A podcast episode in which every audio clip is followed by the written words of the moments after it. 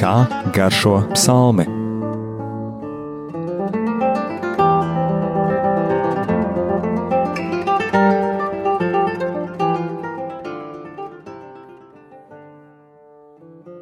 Slavēts Jēzus Kristus. Mūžīgi mūžos slavēts. Studijā Stela un Anģela. Kā šodien pievērsīsimies jau tam ļoti līksmam psalmam 24. Bet nedaudz vēl atskatīsimies arī uz 22. kuru mēs lasījām pagājušajā reizē, jo šī psalma noslēgums pat tā kā saturā savienojas ar to 24. bet grāmatu secībā ir pa vidu šis 23. Kur psalmists raksta par to, ka kungs ir viņa gans un viņš ne no kā nebīstas. Un psalmi, kur ir šīs slavas dziesmas un slavēšanas vārdi, paskaidro, kas iznāk no tā, ja cilvēks pieņem kungu par savu ganu, par savu vadītāju un grib sekot viņa ceļos.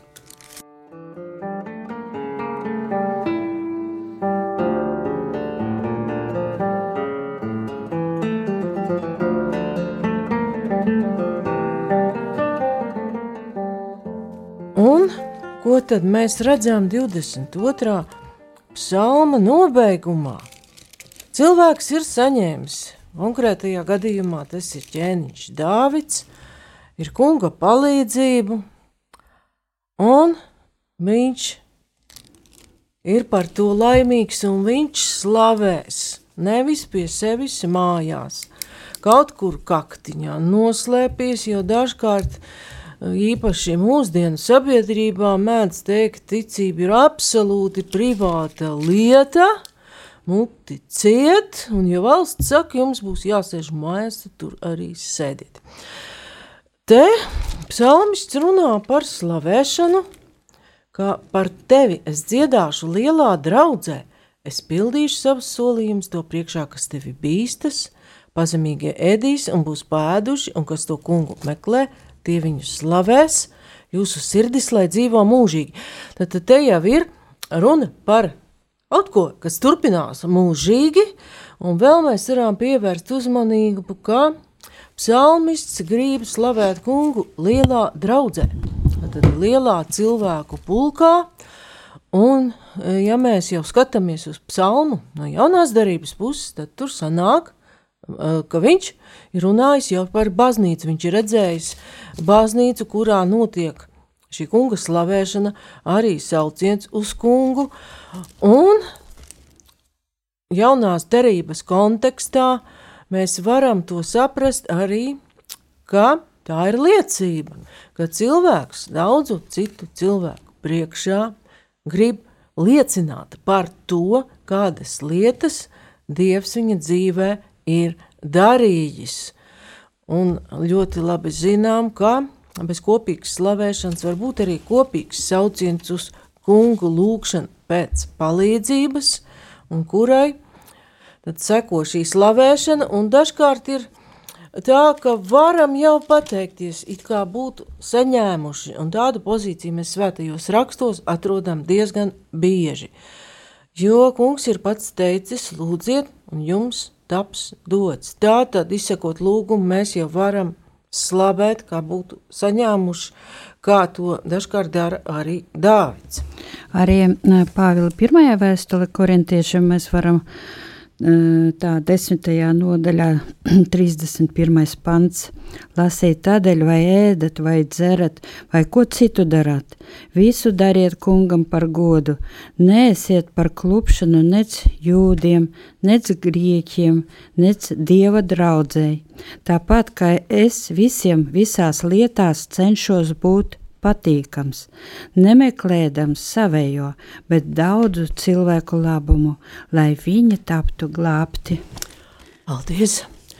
Un šis teksts, ko nolasīja Anžela, jau savienos pēc kāda brīža šo 22. psalmu nobeigumu ar 24. psalmu, kur ir runāts, ka viss pieder tam kungam. Un 22. psalma noslēgumā mēs vēl varam redzēt, ka parādās jau šis kunga valdīšanas universālais raksturs, ka tas vairs neatiecas uz kādu vienu tautu, bet tas attiecas uz daudzām tautām, uz visām zemes malām. Jo 28. pantā mēs jau lasām, lai to kungu piemin un pie viņa atgriežas. Visas zemes malas tautu tautas, lai zemojas viņa priekšā un lai viņu pielūdz jo tam kungam pieder valstība, viņš ir valdnieks pār tautām. Un 24. psalmā mēs lasīsim, ka viss pieder tautām. Un 22. Panta, psalma noslēgums runā arī par tādām lietām, kas jau ir redzamas Jāņa atklāsmes grāmatā un liecina pat par ticību ka būs arī tiem, kas jau dus zemes klēpī. Nav pateikts tieši par augšām celšanos, bet ka viņi būs spējīgi zemoties kunga priekšā un pielūgt. 22. psalms, 30. pants ir pat ļoti pārsteidzoši. Arī tie, lai zemojas viņa priekšā, kas dus zemes klēpī, viņu lai pielūdz visi, kas kļuvuši par pīšļiem. Nu, tagad rodas tas jautājums, nu, kā te kādi pīšļi celsies un kaut ko pielūgs. Bet atklāsmes grāmata man uz, mums uz šo jautājumu atbild.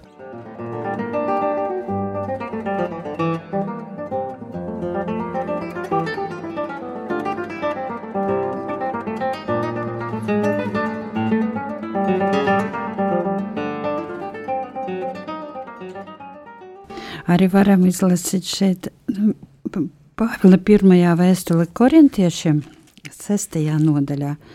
Vai gan jūs nezināt, ka jūsu miesa ir templis svētajam garam, kas ir jūsos un ir no dieva?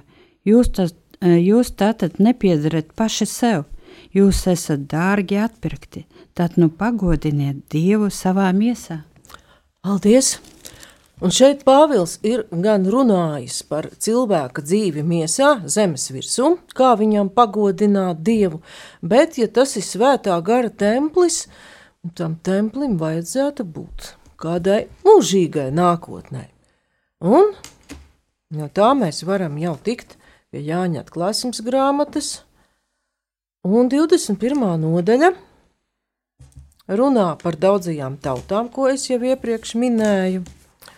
21. nodaļa, 24, 26, ka tā būs šī jaunā Jeruzaleme, kur būs daudzās tautas un kur visi varēs kungu slavēt. Tautas eh, taigās viņas gaismā, un visi zemes ķēniņi nesīs turp savu graznumu. 26. pants, 21. nodaļā. Viņā sanesīs tautu graznums un dārgums. Nemūžam tur neies kas nesvēts, un neviens, kas dara negantību un melo, bet vienīgi tie, kas rakstīti jēra dzīvības grāmatā.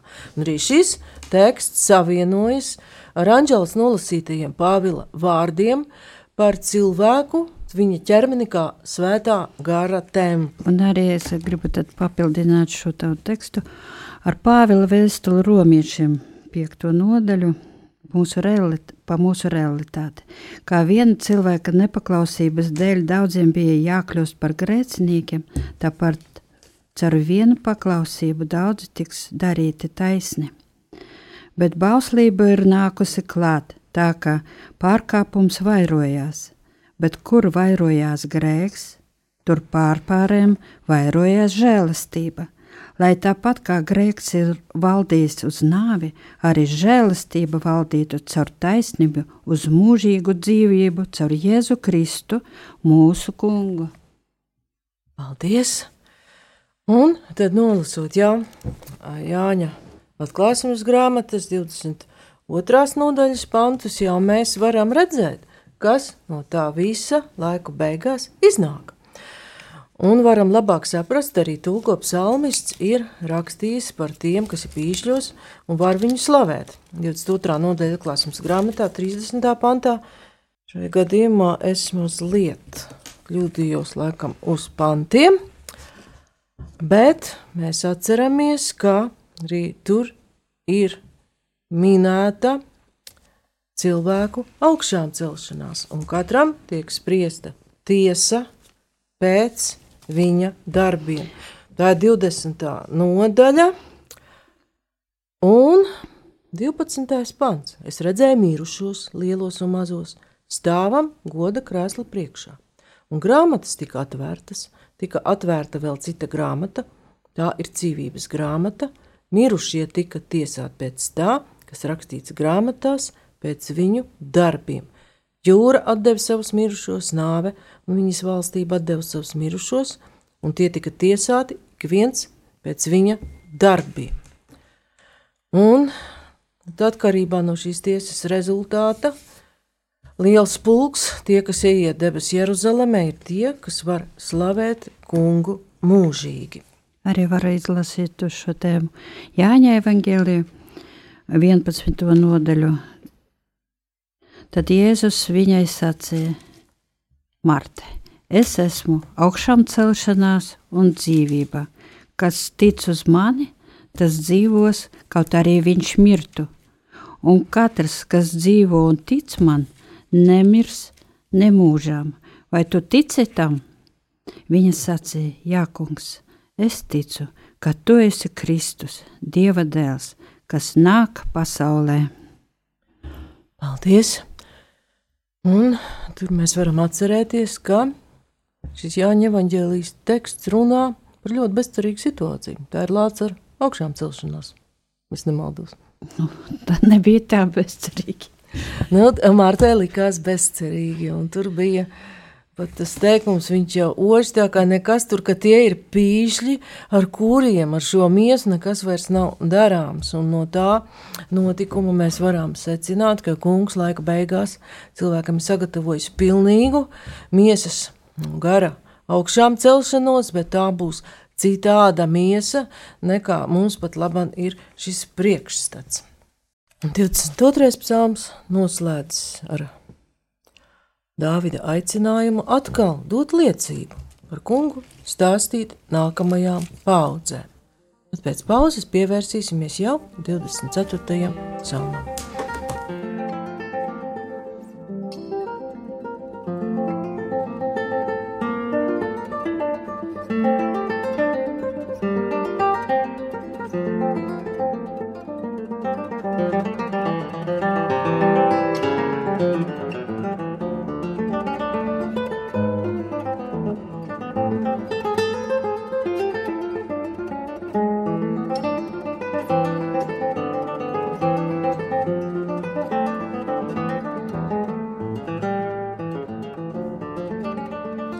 24. psalms ir samērā īss, bet tajā vispār nav neviena tāda teikuma vai vārda par pārbaudījumiem vai ciešanām.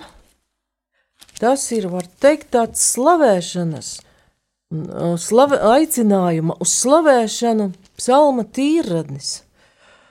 Un viņš sasaucas arī ar 15. psalmu, kurš ir tāds kā jautājums attiecībā uz 24. psalmu.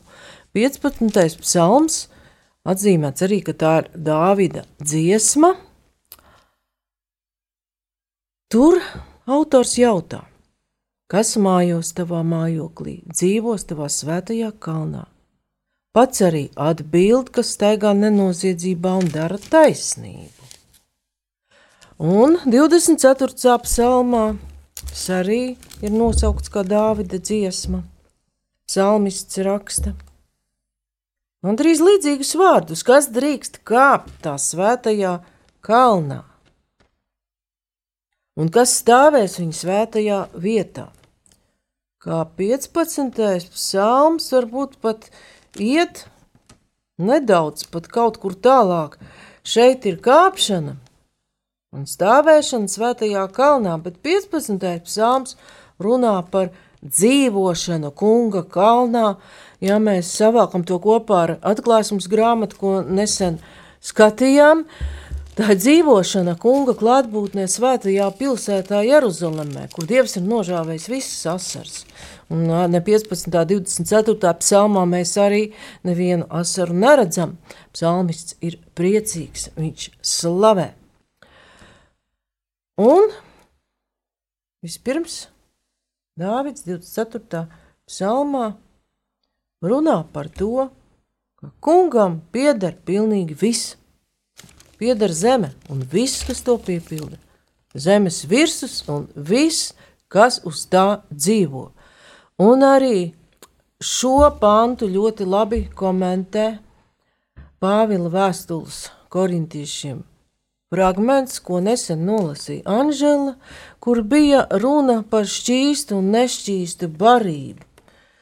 Jo jūdi uzskatīja ļoti strikti ievērojot vecās derības noteikumus, ka ir šķīstas ēdamlietas, ir nešķīstas ēdamlietas,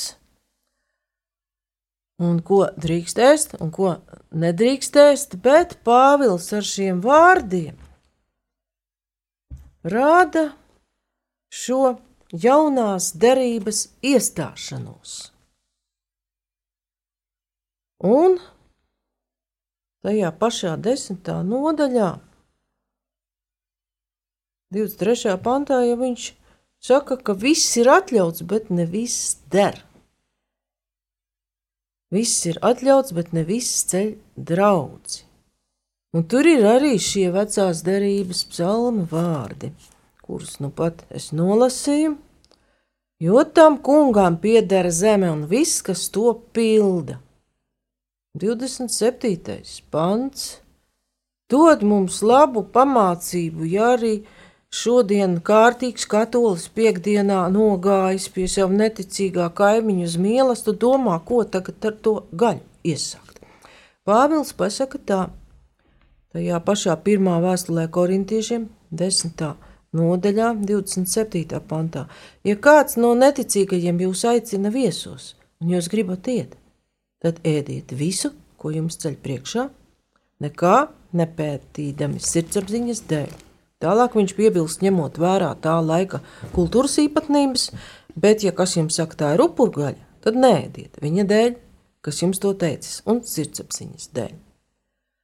Un tālāk jau mēs šos vārdus jau dzirdējām, ja, kad eh, vai ēdat vai dzerat, visu to darat Dievam par godu, jo kā psalmists raksta, pilnīgi viss pieder tam kungam, un viņš ir radījis arī visas šīs ēdamvielas, šos augus, arī šos dzīvniekus, un jaunā derība paplašina visu šo spektru, ko cilvēks drīkst lietot, jo kā evaņģēlijā Jēzus saka, ne tas, kas cilvēkā ieiet. Nu, tā teikt, kas, viņš ir apēdis, vai tā bija cūciņa, lielopiņš, jēriņš vai vēl neskas, bet tas, kas no viņa iziet. Jo tālāk, ja es uzskaitu visu šo grēku katalogu, tur skaudība, ķildes, laulības pārkāpšana un kas ik vēl tur nebija. Un ka tas ceļas sirdī un iziet no cilvēka. Jā, tad šeit varam arī no vecās derības, no izceļošanas grāmatas izlasīt, ko, kā Dievs uzrunā ebreju tautu. 19. nodaļa, 3. pants. Tad Mūzes kāpa pie Dieva, un kungs sauca uz viņu no kalna. Tā saka Jēkabanāmam, stāsti Izrēļa dēliem. Jūs redzējāt, ko es darīju eģiptiešiem, ka es jūs nesu uz zērgļa spārniem un atvedu pie sevis. Un tagad, ja jūs man klausīsiet, klaus, klausiet un turēsiet manu derību, tad no visām tautām jūs būsiet mans īpašums, jo mana ir visa zeme. Jūs man būsiet priesteru valsts un svēta tauta, saki šos vārdus Izraēla dēliem. Paldies! Un par šo ķēnišķīgo priesterību ir atkārtojums 1. pētera vēstulē, un šis teksts vēl paskaidro jau attiecībā uz cilvēkiem, ka Dievam ir absolūtas īpašuma tiesības uz visu, kas ir pasaulē, kas ir redzamā, neredzamā pasauli, un arī uz cilvēkiem, jo mēs arī esam nākuši no viņa rokām. Un, ja Dievam ir šīs absolūtās īpašuma tiesības, tad mēs ļoti labi varam saprast arī savu vietu pasaulē. Kā dzīvot, šeit jau Anģela tam pieskārās, kā dzīvot tā, lai mēs drīkstētu kāpt kunga kalnā un stāvēt viņa svētajā vietā. Jo, lai arī cilvēks ir šis dieva īpašums, tomēr viņš ir atšķirīgs no vienkārši radībām, kas tur kust, skrien un lido, jo kā Anģela nolasīja, ķēnišķīga svēta priestru tauta. Un, jā, labi atceramies radīšanas grāmatu tai tautai, jo sākotnēji cilvēkam dots arī uzdevums šo dieva īpašumu kopt un sargāt, pārvaldīt, kopjot un sargājot. Un interesanti ir tas, ka pat senās pagānu reliģijās, kā arī tajā pašā Šumeru valstī, Ūrā, ir bijis šāds izteikums. Un arī senajā Eģiptē par visiem tiem pārvaldniekiem un valdniekiem un arī karaļpriesteriem, viņi uzskatījuši, ka viņi ir tikai dievu nomnieki.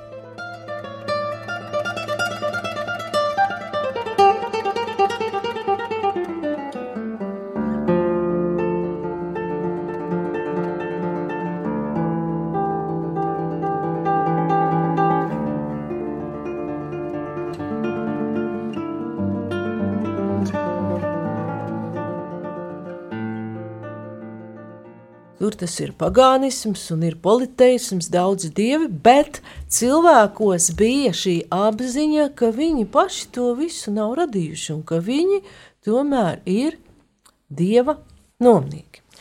Bet šobrīd šķiet, ka cilvēki to ir diezgan labi aizmirsuši un šobrīd nākās ciest. Sekas, ja cilvēks ir iemeties radītāja vietā un aizmirsis to, ka viņš arī ir dieva īpašums un viņš ir pārvaldnieks šim dieva radītajai videi, dieva radītajam īpašumam. Jā, un šeit mēs arī varētu izlasīt tagad lasījumu no atklāsmes grāmatas 21. nodaļas, pirmais pants, sākot līdz 4. Tad es ieraudzīju jaunas debesis un jaunu zemi, jo pirmās debesis un pirmā zeme bija zudušas, un jūras vairs nebija. Es ieraudzīju svēto pilsētu, jauno Jeruzalemi, nokāpjam no debesīm, no dieva, kā līgavu sapostu un izrotātu savam vīram. Es dzirdēju vārenu balsi atskaņo no troņa, redzi, dieva mājoklis pie cilvēkiem, un viņš mājos kopā ar viņiem, un viņi būs viņa tauta. Pats Dievs būs ar viņiem, un būs viņu Dievs, un Dievs noslaucīs visas asaras no viņu acīm, un nāves vairs nebūs, nec bēdu, ne vaimanu, nec sāpju vairs nebūs, jo viss bijušais ir pagājis. Tas, kas sēdēja tronī, teica: Redzi, es visu daru jaunu. Tad viņš teica: Raksti, jo šis vēstījums ir uzticams un patiess. Paldies! Šis atklāsmes grāmatas teksts jau iet pa uz priekšu, kas notiek, kad ir atnācis šis godības ķēniņš, par kuru runā psalmists 24. psalmā. Un kas notiek, jeb kas pareizāk sakot, atrodas tajā kunga kalnā un viņa svētajā vietā, tad tur ir šī mūžīgā pilsēta, un nevelti 15. psalms, kuru es jau minēju, runā par dzīvošanu tavā mājoklī un dzīvos tavā svētajā kalnā. Un gan 15. psalms, gan šis 24. psalms runā par šiem priekšnoteikumiem. Kāds ir šis cilvēks, kas var meklēt dieva vaigu un var iet šajā svētajā kalnā, kur viss sasars tiks nožāvēts. 24. psalmā Dāvids raksta: Kam nenoziedzīgs rokas un skaidrs sirds, kam prāts nenesas uz nīcīgām lietām un kas ar viltu nezvērē. Tāds te būs svētība no tā kunga un taisnība no dieva, sava pestītāja. Un 15. psalmā mēs lasām, un tas kā papildina to, kas ir 24. psalmā. Kas staigā nenoziedzībā un dara taisnību un patiesību glabā savā sirdī, kas citu neaprunā ar savu mēli, savam tuvākam ļauna nedara, nelaup viņam godu, kas neieradz ļaundari, bet tur cīņā tos, kas bīstas to kungu, kas negroza zvērestu, ja tas viņam pamnastu, kas neņem netaisnu saugļus par aizdoto naudu vai dāvanas, lai kaitētu nevainīgajam, kas tā turēsies, tas pastāvēs mūžīgi. Un sasaucās ar jau nolasīto 24. panta 4. 24. psalma 4. pantu, kam nenoziedzīgas rokas, skaidrs sirds, ir viltu nezvērē. Un interesanti, ka pie šiem mūžīgās dzīves priekšnoteikumiem 15. psalmā uh, autors ir ielicis arī šo, kas neņem netaisnas augļus par aizdūto naudu. Tā ir augļošana. Varētu mūsdienās teikt, tā ir it kā pavisam likumīga banku darbība. Lai kaitētu nevainīgajiem. Tad, ja cilvēks ir aptīrīts, palicis bez nekā, tas ir jau liels grēks. Un vēl abos psalmos, 15. un 24. piemin arī sava vārda turēšanu. Ar viltu nezvērē. Arī šeit, kas neaizmirst savu, kas negroza zvērstu, ja tas viņam par nastu, tātad, ja tavs jā ir tavs jā, tavs nē, nē. Un kāpēc tas arī tur tā ir minēts? Nu, mūsu laikā, kā jaunās derības cilvēki, mēs atceramies Jēzus mācību, ko viņš ir teicis, ka jūsu jā, lai ir jūsu jā, jūsu nē, nē. Kas, par, kas vairāk, tas ir no ļaunā. Viņš to saka savā kalna sprediķī, Mateja evaņģēlijas 5. nodaļa, 33. pants. Un kāpēc viņš tā saka? Izrādās, ka vecā derība atļāva tomēr solījumu dot, zvērstu atļāva dot, tikai tas arī bija jātur. Un, ja mēs lasītu Levīta grāmatas 19. nodaļu, 12. pantu, skaitļu grāmatu 30. nodaļu, 2. pantu, arī atkārtotā likuma grāmatas 23. nodaļas 22. pantu, mēs redzētu, ka zvērēt var, bet šis solījums ir arī jātur.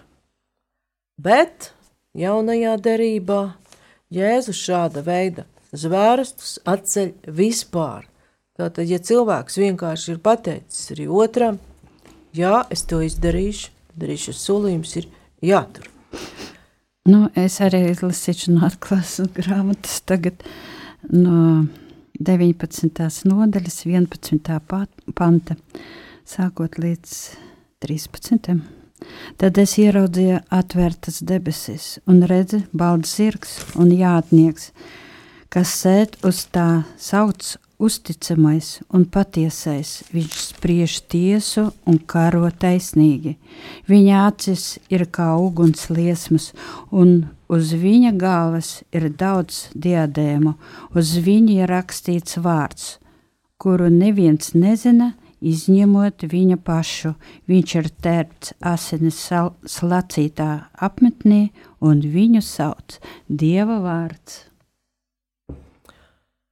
Paldies, ka šeit ir runa par to vārdu, kas ir patiess un kurš arī uzved cilvēku šajā svētajā kalnā.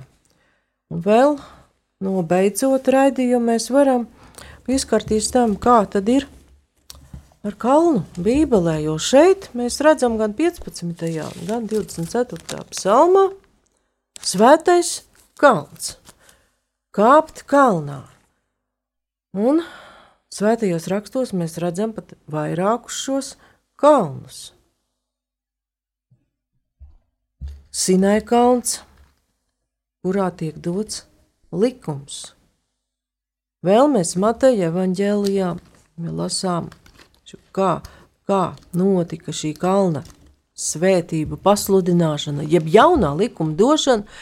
Mateja evaņģēlijā mēs lasām, ka Jēzus uzkāpa kalnā, nadarījis muti, sāka mācīt. Tad viņš apsēdās un kā tāds, kā ķēniņš tronī, kuram ir autoritāte, sāk mācīt cilvēkus.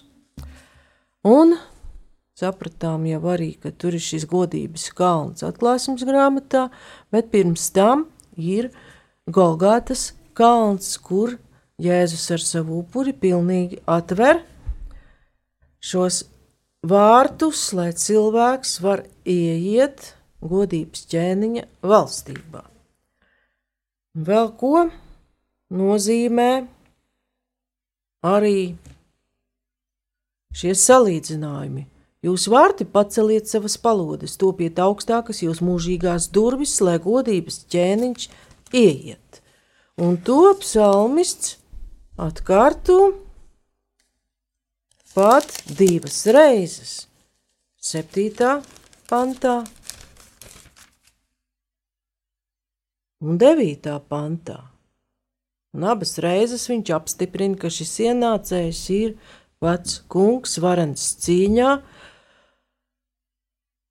un te ir runa par mūžīgām durvīm, kas arī uz kaut ko norāda. Vispirms šis salīdzinājums atgādina gan par Jeruzalemes, gan citu pilsētu vārtiem. Viņi bija tādi maziņi un nepārāk augsti, bet, ja nāca valdnieks, valdniekam bija vajadzīga plašāka un lielāka telpa senajiem vārtiem, izrādās to augšu pat varēja izņemt, lai valdnieks ar savu procesiju var cienīgi ienākt. Bet attiecībā uz cilvēku Cilvēks ir pats, kas noņem šos savus aizspriedumus, ierobežojumus pret kungu, kurš atver savus sirds vārtus, lai viņš var ienākt. Jo, kā ja mēs lasītu atklāsmes grāmatu, pirmajās tās nodaļās, Jēzus ir tas, kas klauvē, lai viņš varētu ienākt. Kā redzi, es esmu pie durvīm klauvēju. Stāju durvju priekšā, ja mēs lasām par Laudikejas draugu, un ja atcerēsimies atklāsmes grāmatā trešā nodaļā, tā Laudikejas drauga bija materiāli teicami nodrošināta, bet izrādās, ka bija ļoti zemā līmenī kunga acu priekšā. Un viņš saka, 20. pantā, redzi, Es stāvu durvju priekšā un klaucinu. Ja kas dzird manu balsi un durvis atdara, es ieiešu pie viņa un turēšu ar viņu mīlestību, un viņš ar mani. Durvis varās tikai no iekšpuses. Jā, durvis varās tikai no iekšpuses, un tikai pats šis cilvēks viņas var atvērt.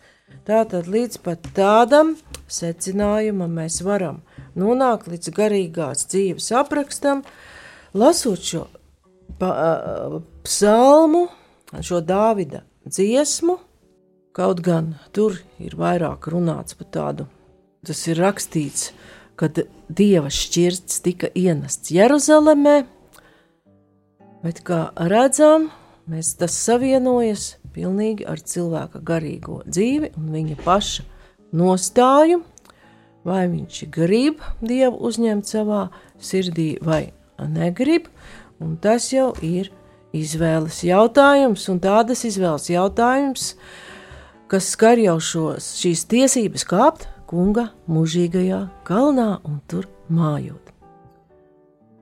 Paldies par uzmanību! Studijā bija Stela un Anģela. Kā garšo psalmi?